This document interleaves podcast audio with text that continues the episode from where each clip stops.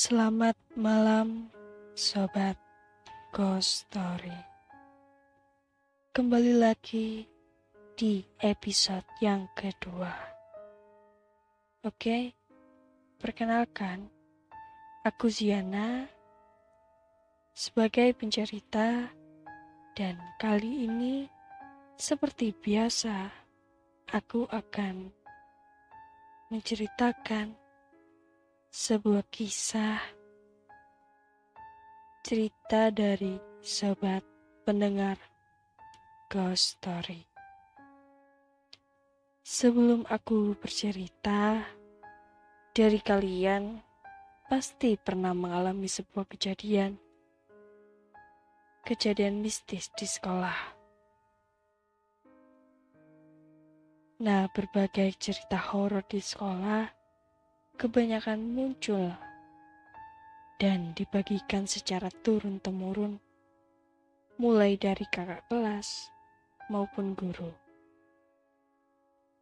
Cerita horor yang sering muncul antara lain tentang hantu penunggu toilet, penampakan di lorong sekolah, suara-suara aneh di ruang OSIS, kesurupan, hantu penjaga pohon, hingga tengkorak praktikum di laboratorium biologi yang diduga merupakan kerangka mantan penjaga sekolah di masa lalu. Mungkin kalian pasti sudah familiar dengan sebuah acara yang selalu diadakan rutinan tiap tahunnya yaitu bersami. Bersami merupakan agenda rutinan yang diadakan pada hari Sabtu dan diakhiri pada hari Minggu.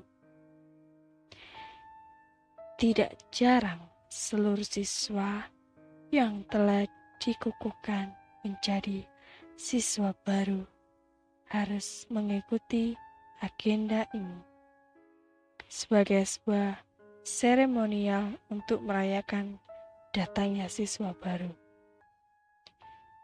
Dalam istilah dunia kepramukaan, seseorang yang baru masuk sekolah disebut sebagai tamu. Baik tamu siaga, tamu penggalang atau siswa baru SMP dan tamu ambalan yaitu siswa baru SMA. Mereka nantinya akan disambut oleh kakak pembina pramuka, kepala sekolah, dan kakak kelasnya. Dewan Penggalang. Nah, di sini mulailah cerita dari inisial DD.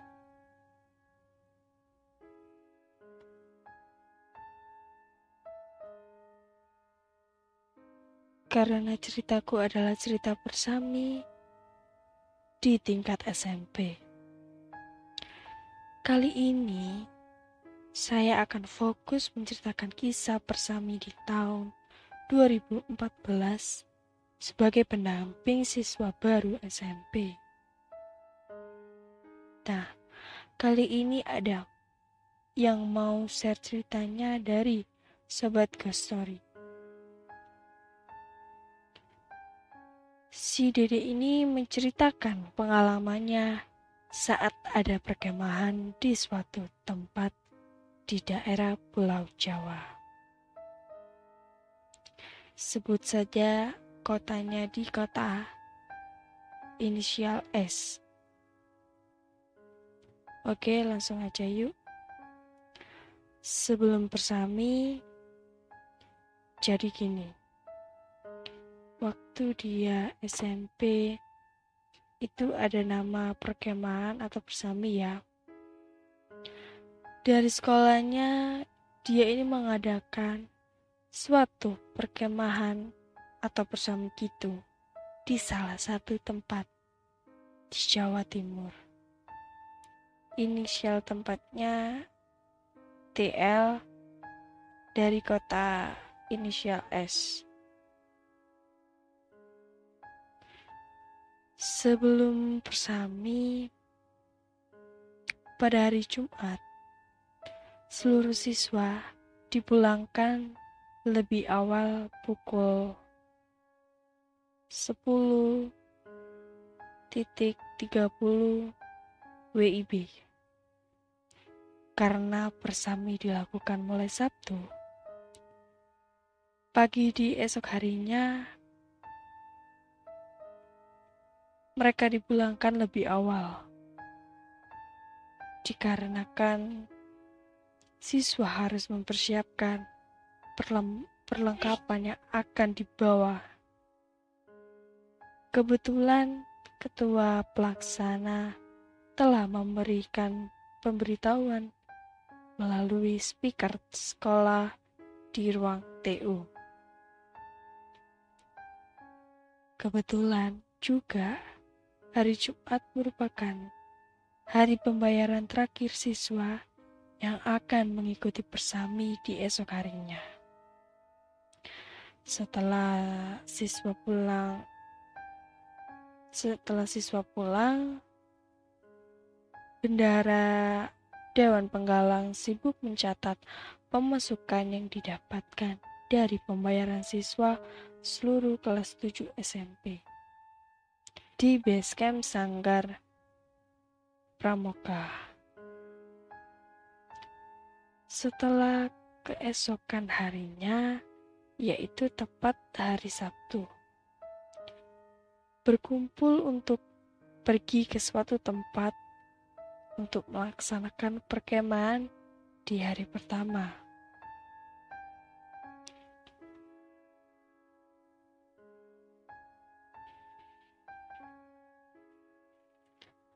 Setelah sampai di tempat uh, perkemahan tersebut, si dede ini sempat diceritakan oleh salah satu kakak kelasnya yang bercerita seperti ini.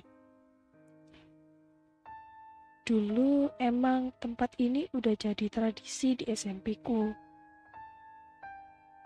turun temurun kalau ada uh, ada perkemahan pasti selalu di tempat itu. Dan katanya juga tempat ini terkenal horornya. Dan si Dede ini sempat searching di Google yang di mana gedung ini ada gereja tua yang di zaman Belanda-Belanda dari temannya si Dede ini pernah bilang kalau dia pernah melihat noni-noni Belanda di sana. Nah, jadi di malam kedua, semua peserta kemah dikumpulkan ke suatu tempat seperti yang ada di gambar. Maksudnya yang ada di gambar adalah si gedung itu. Katanya si Dede ini tempatnya luas banget. 50 orang lebih cukup banget. Karena itu lagi hujan dan tendanya pada roboh semua. Jadi kumpul di situ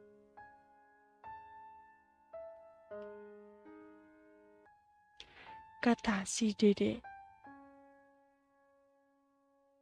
Di malam itu, benar-benar malam mencekam. Karena udah malam banget dan hujan juga. Ada salah satu temannya si Dede ini yang tiba-tiba kemasukan suatu hal yang tak kasat mata waktu di dalam tenda itu. Akhirnya, di tempat itu, guru-guru bilang untuk menyuruh murid-muridnya membaca sholawat bersama-sama dengan sekejang-kejangnya. Dan jangan ada yang ngelamun, doa terus di dalam hati ya, kata si guru si Dede. Langsung kami semua solawatan disuarakan keras-keras. Tiba-tiba ada siswa lagi yang kerasukan oleh tak kasat mata ini. Dia tiba-tiba menunduk, terus diam. Nah, udah kelihatan sih kalau dia kemasukan, kata si dede ini.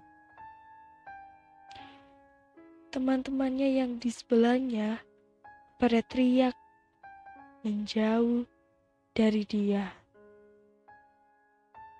Dan itu yang lain juga keikutan.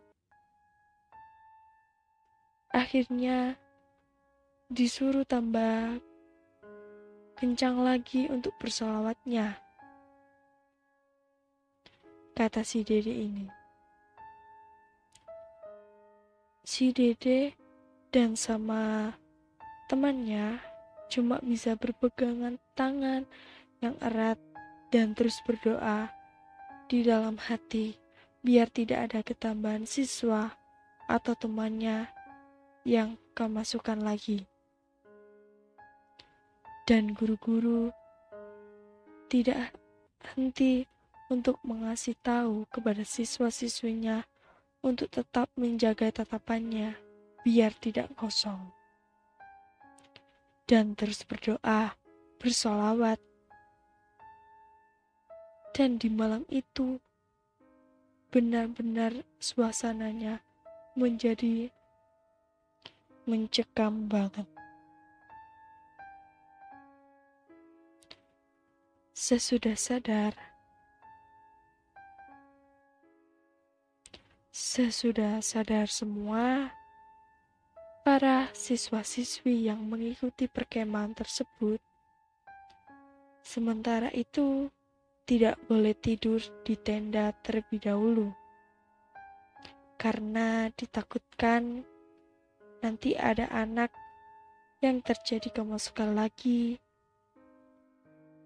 Juga jika ada apa-apa dan cuacanya juga kan hujan.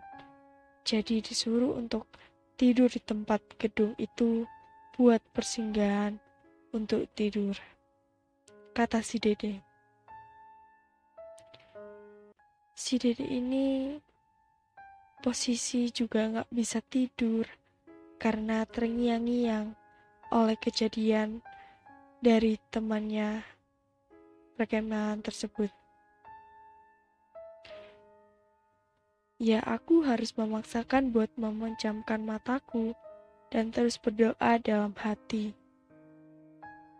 Gimana gak takut ya kalau semua udah tidur dan akunya belum tidur, terus tiba-tiba ada anak yang kemasukan lagi, kan serem?